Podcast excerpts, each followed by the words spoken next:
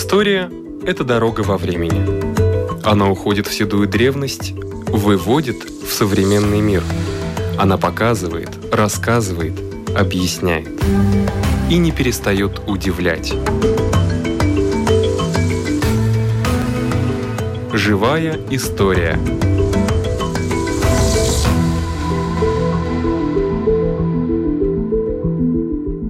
У микрофона Лидия Чера.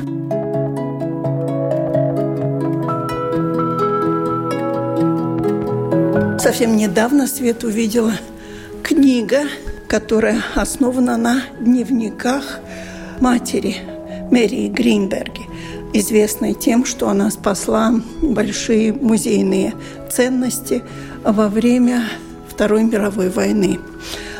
Автор этой книги Агита Анчупане. Скажите, легко было читать эти дневники? Jā, dienas grāmatas lasīt bija ārkārtīgi viegli, jo Mērija Grīnberga raksta ļoti patiesi, ļoti izjusti. Viņai ir acīm redzot arī rakstnieka talants, un tā grāmata, kas gan sanāca diezgan bieza, viņa ļoti viegli un ātri lasās, jo Mērija Grīnberga pilnīgi savā stāstījumā ievelk. Это рассказ не только, наверное, о своей дочери, но и о том, что происходит в Латвии в это время и что это за период. Dienas grāmatās un atmiņās Mērija Grīnberga pat vairāk raksta par savu bērnību, par to, ko viņa ir piedzīvojusi, un mazāk par to, kas ir noticis ar meitu, jo tās informācijas arī viņai ir diezgan maz. Periods, par kuru raksta Mērija Grīnberga, ir sākot no 19. gadsimta beigām līdz pat 1964. gada vidum, kad viņa beidz rakstīt savu dienas grāmatu. Bet atmiņām punktu par jaunību un bērnību pieliek 68. gadā. Tas nozīmē, ka viņa arī diezgan ilgu laika posmu rakstīja. Bet um, pirmo dienas grāmatu 1926. gadā, precīzi sakot, atmiņas, Mērija sāka rakstīt mātes mudināta par to laika periodu, ko viņa kopā ar vīru, mācītāju Jāni Grīnbergu, pavadīja Pēterburgā un Latviešu kolonijās Novgorodas guberņā, kuru sakarā ar darba pienākumiem viņas vīrs Jānis Grīnbergs kalpo Jēzus baznīcas draudzē. Un tas ir ārkārtīgi interesants stāsts, viņas atmiņas, jo tie piedzīvojumi un tam visam, kam viņa šajā laikā izgāja cauri, un tas ir 19. gada beigas līdz pat 1921. gadam ir ārkārtīgi sarežģīts un arī ārkārtīgi interesants ir šīs atmiņas, kā šī jaunā Grīnbergu ģimene, viņiem jau ir arī divi bērni, meita Mērija un dēls Emanuels, kā viņiem bija gājis šajā sarežģītajā laikā Petrogradā. Un tas ir arī tāds diezgan unikāls materiāls, jo par latviešu kolonijām Krievijā ir diezgan maz ziņu, un šīs atmiņas ir ārkārtīgi interesantas. Они жили в колонии, да? Latvijas kolonija. Nē, viņi dzīvoja Pēterburgā, bet ņemot vērā šos sarežģītos apstākļus un arī darba pienākumus, tad ik pa laikam, kādu laika periodu viņi dzīvoja Latviešu kolonijās. Bet netālu no Pēterburgas, tur burtiski dienas braucienā vai ar vilcienu dažu stundu braucienā. Это было сразу после Первой мировой войны. Тяжелое время было тогда. Jā, laiks bija ļoti sarežģīts, īpaši pilsētā bija grūti izdzīvot, jo trūka pārtikas, ziemā nebija apkuras mājām. Bija tiešām ļoti sarežģīti, un savukārt Grīnbergu ģimene ļoti ieredzēja latviešu kolonijās, jo viņa bija ļoti sirsnīga, un vīrs savukārt ļoti atbildīgi izturējās pret saviem pienākumiem, un viņiem ļoti daudz palīdzēja gan ar pārtiku, gan ar izdzīvošanu tur. Un katrā gadījumā tās atmiņas paver pilnīgi citu ainu uz šiem vēstures notikumiem. Но отношение русских к латышам какое было, они как-то пишут? Какое было это сосуществование? Jāsaka tā, ka pirms revolūcijas tā sadzīvošana bija pat ļoti laba, jo Ja tu dzīvo kopienā Pēterburgā, tad tu ne tikai ar latviešiem sanāk komunicēt, bet arī ar citu tautību pārstāvjiem. Un, arī vēlāk, arī sarežģītos laikos, kaimiņi arī palīdzēja, jo Mērijas Grīnbergs vīrs bija ļoti slims un viņam atļāva neiet pildīt tos obligātos ikdienas darbus kā sētniekam vai kādam citam. Bet, protams, pēc revolūcijas padomju vara nevisai labi skatījās uz reliģiju un šādām lietām, un, protams, baidījās, kā arī visi citi Krievijas iedzīvotāji, gan no kratīšanām, gan no čekas, gan no kādām represijām. Tāds bija tas laiks. И они долго пробыли в Санкт-Петербурге? Viņi pārcēlās uz Pēterburgu 1907. gada oktobrī, aizbrauca nākamajā dienā pēc kāzām. salauzījās viņa šeit Rīgas domā un nākamā dienā jau devās uz vīra kalpošanas vietu. Pēterburgā viņa nodzīvoja līdz 1924. gadam. 24. gada sākumā Mērija ar bērniem atgriežas, bet diemžēl vīrs mira jau 23. gada vasarā, un viņš tika atvests un apglabāts šeit Rīgā meža kapos. Но он молодой уже был совсем. Nē, nav gluži un tā. Viņš bija starša žanīna. Viņš bija vecāks par sievu. Jā, jā. Daudz vecāks. Precīzi tagad nepateikšu, bet bija vecāka. Ir boļšā nā zamuš nevyšla. Nē, nē. Viņa arī šajās atmiņās raksta atmiņas par vīru, kur ļoti labi var redzēt, cik ļoti liela ir bijusi šī mīlestība un cieņa pret savu vīru. Un viņa ir klāta visos vīra, gan darba pienākumos, gan ikdienā. Tā viņa ir tāda, nu, viņas sievas loma, kuru viņa ļoti godprātīgi pilda, bet arī nu, var just to lielo mīlestību, ko Mērija izjūta pret savu vīru šajos dienas grāmatas un atmiņu lapusēs. Мгм. Они вернулись в Ригу. Их же здесь никто не ждал. То есть как они здесь обустроились? Tā arī gluži nebija, jo Mērija Grīnberga ir meita Friedriham Grosvaldam. Tas ir ilgadējais Rīgas Latviešu biedrības vadītājs, diplomāts, jurists, un eh, viņiem šeit Rīgā piederēja māja. Šobrīd tas ir Aspazīs bulvārs 20, toreiz teātra iela. Un eh, Viņi atgriežas 24. gadā, Mērija ar bērniem atgriežas, un eh, jau 26. gadā Mērija piepilda tādu savu lielu sapni. Jau no bērnības viņu ir interesējusi latviešu etnogrāfijas raksti, latviešu vēsture, un viņa 26. gadā šīs tēkas pirmajā stāvā atver savu lietišķās daļamatniecības priekšmetu veikalu. Un tas arī tāds viņas liels, liels, eh, liela mīlestība un, un liels viņas darbs. un Viņa jau agrāk bija vākusi dažādus rakstus, savukārt tagad viņa izmantojot šos latviešu rakstus, veidoja dažādas tautas tērpus, rakstītus cimdus, galdautus. un Viņas veikals bija ļoti iecienīts latviešu vidū, un daudzām tā laika sabiedrībā pazīstamām personām bija tautas tērpi, kas ir izgatavoti tieši Mērijas Grīnbergas veikalā. Но я должна была догадаться, потому что если пара сочетается браком в Домском соборе, это все-таки были не совсем простые люди. Tieši tā, ņemot vērā gan Mērijas izcelšanos, gan Jāņa Grīnberga mācītāja darbu, jā, tad būtībā viņi bija viens no pirmajiem pāriem, kas tika laulāti Doma baznīcā latviešu valodā. Даже так. Jā, jā, un tur speciāli viņi pat bija uzaicinājuši mācītāju, kas varētu šīs laulības eh, novadīt latviešu valodā. Ну, потом начинается время уже не такое сложное, уже начинается время, когда к власти приходит Карлис Улманис. И как тогда складывалась судьба Mērija Grīmbergija Joģiķī. 20. 30. gadi Mērijai Rīgā paiet eh, ļoti īsā laikā, ātri, darbīgi, un var redzēt arī pēc atmiņām un dienas grāmatām, ka tas ir diezgan priecīgs laiks viņas dzīvē. Diemžēl tieši par šo laika periodu, par 30 gadiem, viņai atmiņu nav, bet tas ir saprotams, jo visu viņas dzīvi paņēma viņas eh, veikals, viņas darbs. Atmiņās šīs posmas trūkst, un dienas grāmatu savukārt viņa sāk rakstīt 43. gadā. Oh, tas, jā, jo viņa arī raksta savā dienas grāmatā, nu, ka viņa jūt, ka tas laiks ir tik sarežģīts un viņai ir tik grūti ka viņa vienu dienu pieņem lēmumu, ka rakstīs dienas grāmatu, un tajā dienā arī sāk to rakstīt un sāk pierakstīt visu, kas sākot no 43. gada. Ne gluži katru dienu, bet pietiekami bieži, kas šeit notiek, par to, kā tiek sagrauta Rīga kara apstākļos, kā ir izdzīvot. Viņa, protams, pārdzīvo par savu meitu Mēriju Grīnbergu jaunāko, kas ir devusies eh, Latviešu muzeju un arhīvu vērtībām, un nav ziņu no viņas. Tas ir А в ļoti каком sarežģīts году laiks. дочка Мэрии Гринберги, Мэрия, оказалась сопутствовать всем этим музейным Tas ценностям? bija 1944. gads, kad viņa dodas. Jā. Un paralēli šīm dienas grāmatām, par ko viņa raksta, ka viņai viņas ir vajadzīgas, lai viņa tās negatīvās lietas izliktu, jo tā ikdiena viņai paliek aizvien grūtāka, smagāka. Viņa paralēli raksta savas atmiņas, un tās atmiņas ir tās viņas gaišā burtnīca, ja tā teikt, un savukārt dienas grāmatas viņai ir tā tumšā, un tad, kad tas tumšais laiks ņem virsroku, tad viņa raksta savas atmiņas.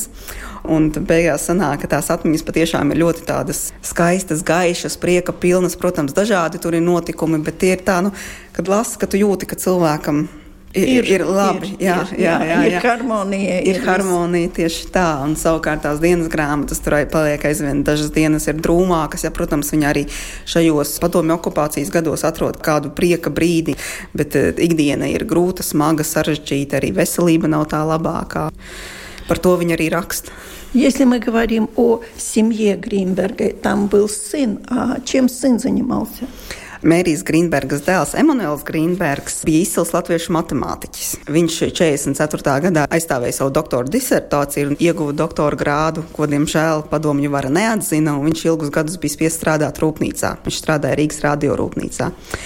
Vēlāk gan viņš Maskavā aizstāvēja savu doktora disertāciju un ilgus gadus strādāja Latvijas universitātē, gan par pasniedzēju, gan pētnieku, un eh, viņš ir atstājis izcilu matemātikas mantojumu mums pārējiem. Вы сказали, что мать уже стала себя плохо чувствовать, у нее настигли болезни, хотя она не была совсем старая, где-то около 60, да?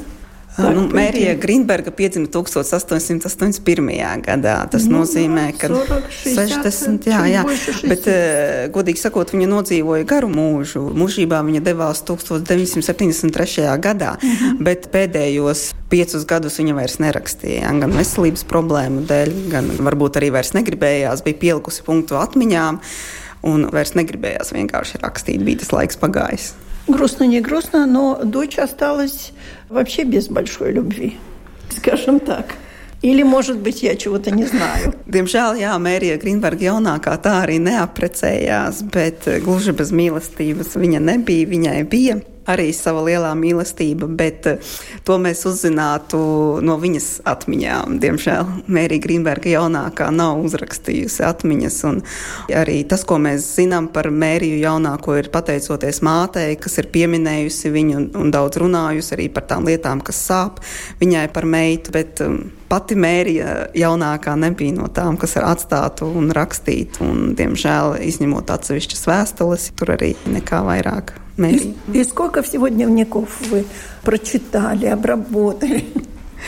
Tas ir sarežģīts jautājums, jo, kā es esmu jau arī vairāk kārt stāstījusi, kad dienas grāmatu jau neraksta burtnīcās, vienkārši viena beidzas un sāk nākamo. Līdz ar to tā ir kā jau viena dienas grāmata, tikai vairākās burtnīcās.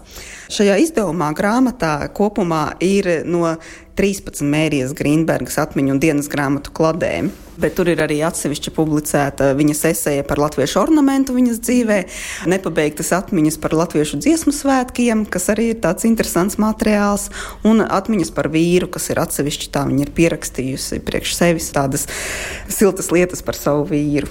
Какое-то значение в ее сборе фольклора имеет до сегодняшнего дня? Es domāju, ka viena no tām lielajām nozīmēm par viņas darbu saistībā ar latviešu rakstiem, ar latviešu etnogrāfiju ir tas, ka 30. gados viņas veikalā pirktās lietas ļoti daudzi trimdas latvieši paņēma līdzi, dodoties bēgļu gaidās. Līdz ar to viņa uzturēja to atmiņu par Latviju. Bet es teiktu, ka tas, kas viņai ir savākts, vēl līdz galam nav izpētīts, un es domāju, to viņas nozīmi tieši etnogrāfijas jomā turpmākie pētījumi parādīs aizvien plašāk, jo viņas atstātais mantojums, kas arī ir 5-6 mapes ar dažādos laikos savāktajiem latviešu rakstiem, ornamentiem, skicēm, dažādiem lietišķiem priekšmetiem, tam visam vēl vajag savu savu pētnieku, un tas viss vēl tiks izpētīts un noteikti publicēts. Конечно, в каждом народном костюме есть э, свои нюансы. И Видземе отличается от Латгалы, и Курземе тоже другие цвета, другие. Вот как вы считаете, сторона родная, которая дала силы, особо любима Мэрии Гринберге, это какая? Noteikti. Tā ir Latvija, tā ir viņas Latvija. Откуда она? Mērija nāk no Rīgas. Viņa piedzima Rīgā. Viņas vecāki nāk no vidzemes. Vīrs nāk no kursīšu pagasta, kas ir kurzeme. Ļoti mīļa vieta viņai jau no bērnības ir jūrmala. Tāpēc es teiktu, ka tā tiešām ir Latvija kā dzimtene, kas ir visi ar dažiem punktiem, kas ir viņai tādas sirdī tuvākas vietas, no kurienes nāk vīrs, kur viņai vecmāmiņa dzīvoja vidzemē. Nu, un Rīga, protams, kā dzimtā pilsēta, kā bērnības pilsēta. Что удивило, может быть, вас в этих дневниках? Есть какой-то элемент такой, что вы были удивлены, что вот что-то она описывала, то, чего вы ну, совершенно не знали и неожиданно показалось? Kas mani varbūt tā pārsteidza visvairāk, ir eh, tas, ka tās dienas grāmatas atmiņas, ko viņa sāk rakstīt 26. gadā, viņa raksta vācu valodā. Pirmās mm. trīs būrnīcas visas ir uzrakstītas vācu valodā. Bet uh, viņai ir tāds rakstīšanas stils, ka ik pa laikam viņa kādu vārdu iestarpina vai nu krievu valodā, vai latviešu valodā. Savukārt atmiņās, kur viņa raksta latviešu valodā, viņai patīk iestarpināt kādu teikumu vācu valodā, kas tā ļoti spilgti paspilgtina arī atmiņās. Viņa daudz ik pa laikam kādu vārdu iestarpina krievu valodā. Un arī izdevumā mēs centāmies to visu saglabāt, lai jūtot to viņas rakstības veidu.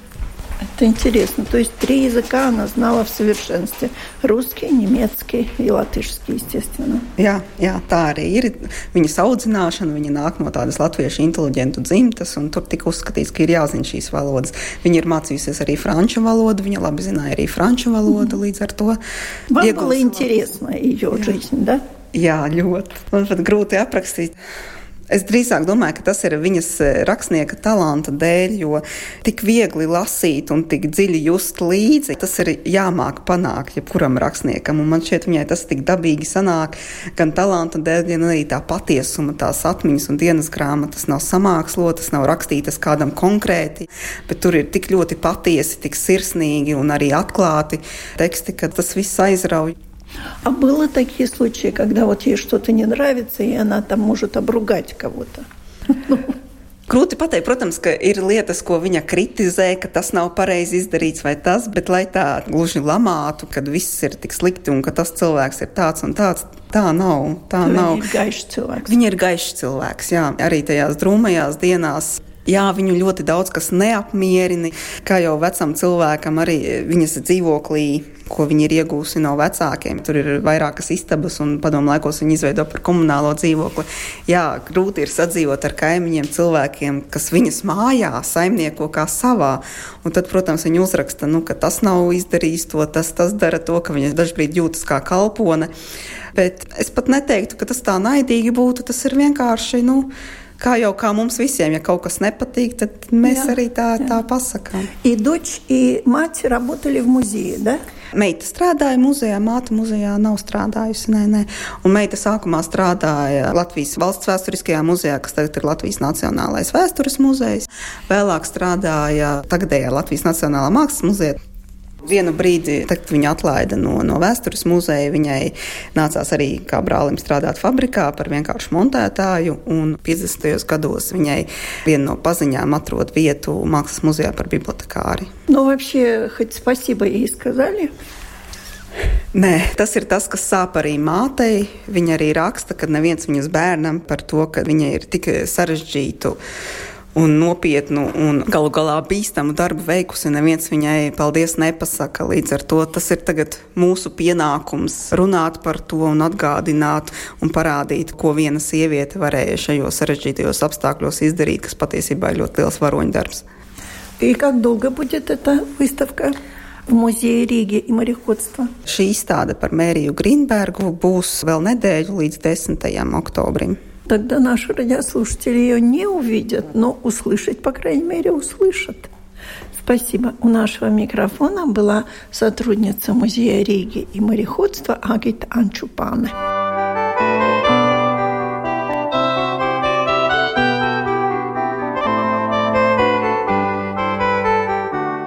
Что реликвии истории Латвии. У микрофона Ирина Зейбарте. Больше половины реликвий мы о них рассказали. Что сегодня будет? В числе ста реликвий, которые мы считали очень важными для истории Латвии, есть несколько предметов, которые не имеют особой ценности, если их превратить в деньги, но они имеют большую ценность, если подумать о традициях, которые связаны с ними. И, наверное, надо сказать, столетиями, тысячелетиями, которые были эти предметы использованы. И использованы не в праздники, не в каких-то особых случаях, а в повседневной работе, в повседневном труде. Потому что то, как человек живет, как он выживает, какой бывает его повседневная жизнь, это ведь тоже очень-очень важно. Тем более потому, что сегодня в 21 веке большинство людей, которые моложе 40, многие горожане даже 50 лет, уже забыли и не помнят, каким был быт, которым жили наши бабушки и даже родители тех, кто сегодня уже постарше. То есть каким был день деревни, как заполнял свой день крестьянин. И как менялись сезонные работы в зависимости от того, что у нас там на дворе была осень или зима или лето. Но летом более-менее мы представляем себе. Это работы, связанные с полем, с огородом, заготовкой корма, например, запасов на зиму. Что человек делал зимой?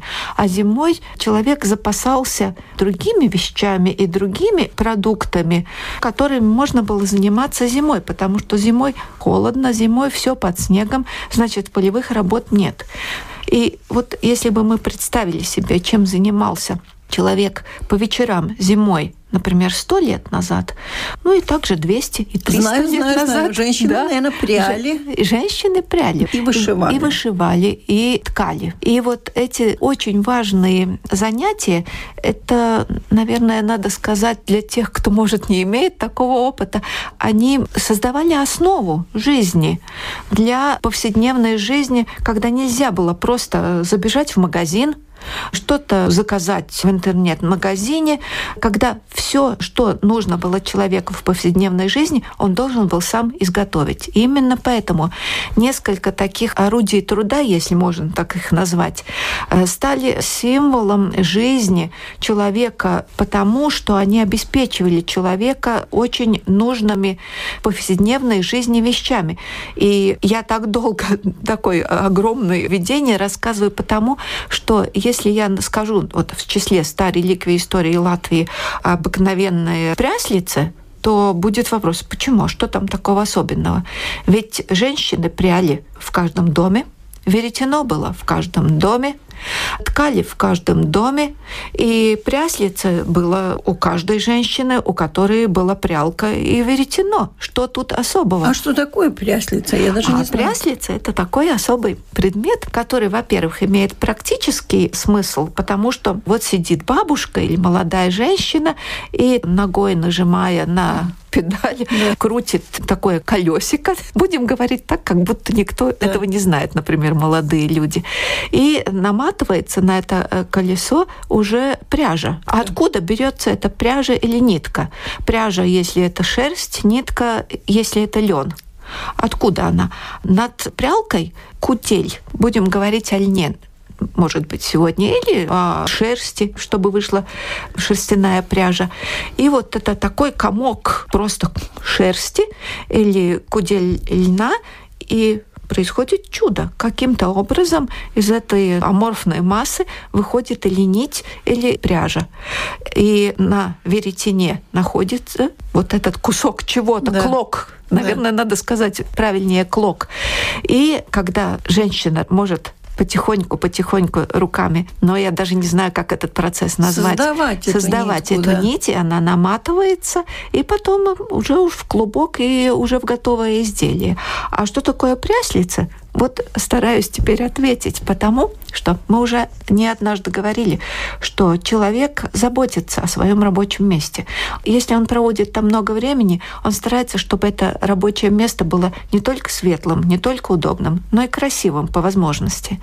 И пряслица это такая деревянная дощечка, которая укрепляется над прялкой.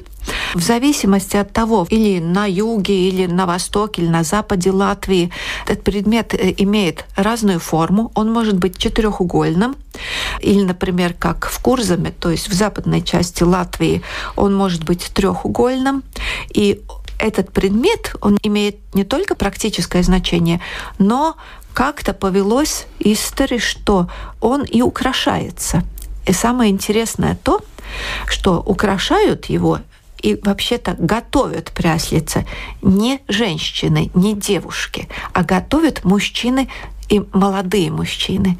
И в длинные зимние вечера, когда, представьте себе, в довольно темной комнате сидят и мужчины, и женщины, и молодые, и старые, по несколько поколений, каждый занимается своим делом. Это такие, как в литературе описываются посиделки. И во время этих посиделок, ну, там уже целые драмы разыгрываются совместных отношений. И как же показать, высказать симпатию между девушками и молодыми мужчинами, которая неизбежно происходит, это подарками. Что подарить? подарить можно то, что ты изготовил своими руками.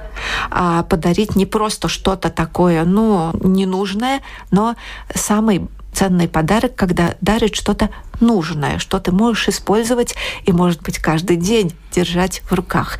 И поэтому молодые мужчины, юноши, это пряслицы не только изготавливали просто чтобы его к веретену, к прялке прикрепить, но и украшали разными узорами. Узоры могли быть очень-очень разными, но в любом случае они выказывали симпатию.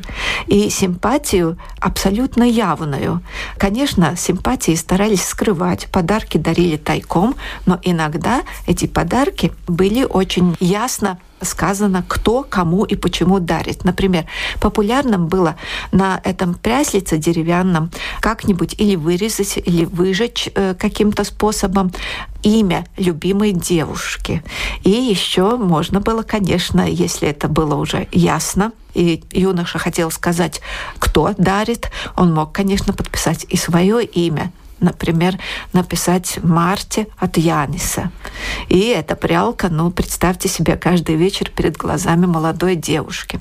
Конечно, не только писали на этом пряслице, но и украшали разными узорами. Очень часто эти узоры геометрические, очень часто просто красивые эти узоры. Но есть такие пряслица в нашем музее, именно одно такое мы выбрали символом реликвии истории Латвии, которые имеют целый сюжет на этом маленьком-маленьком деревянном предметике. Ну сколько это? Который, да, вся длина этого пряслица вместе с наконечник весь полный может 30, 40, 50 сантиметров. Ширина 17 сантиметров. И вот эта треугольная пряслица, которая из Курзаме, это волость Юркалне, значит, у самого берега Балтийского моря, буквально с космическим сюжетом. На одной стороне этого пряслица выгравирован, вырезан целый сюжет. Вокруг извивается узор, по периметру, и он должен, наверное, ассоциироваться у человека с волнующимся морем, с волнами на море. И это еще не все, потому что по морю, этому стилизованному, плывут рыбы, не только рыбы, но и трехмачтовый парусник. И над парусником небо, усеянное звездами, и над звездами еще имеется на четыре части раздельная луна. А на второй стороне рассказ уже не о море, а о земле, о суше. И тут тоже в латышской орнаментике знак «юмис» — это знак урожая двойной, и от него растет так как ну, чудо дерева, чудо растения mm-hmm. вверх. Над ним буквы, которые, к сожалению, мы не расшифровали, но это, наверное, знал Инициалы, тот, кто дарит наверное, да. и кому дарят, и цифра 1891 значит, определенно известен год. По обе стороны два, такие различные знаки, которые, ну, может, пофантазируем, рассказывают нам о двух разных людях. Может быть, о тех двух разных судьбах, которые даритель уже мечтал как-то соединить в одно. Так что это, наверное, такая одна из самых интересных историй любви, которая показано на инструменте, на орудии труда, на деревянной дощечке, и тем более не только просто как-то, ну, извините за выражение, любовь обыкновенная. Тут даже целый космос отношений. И поэтому очень интересно еще и то, что на самом верху вот этой второй стороны в придачу еще церковь. И от церкви расходятся вверх еще лучи в небо, во Вселенную, которые расходятся во все стороны. Вот такой абсолютно обыденный предмет, абсолютно практичная вещь, деревяшка, если можно сказать, но со своей тайной, которая, наверное, не разгадается никогда. И я думаю, мораль всего этого в том, что и самую нудную, самую тяжелую работу можно делать красиво и вкладывать в нее чувства и отношения. И поэтому эта деревяшка попала в список 100 реликвий истории Латвии. У микрофона была Ирина Зейбарта. На этом наша передача заканчивается. Всего вам доброго. Для жителей Винспилса Латвийское радио 4 звучит на волне 95,3 FM.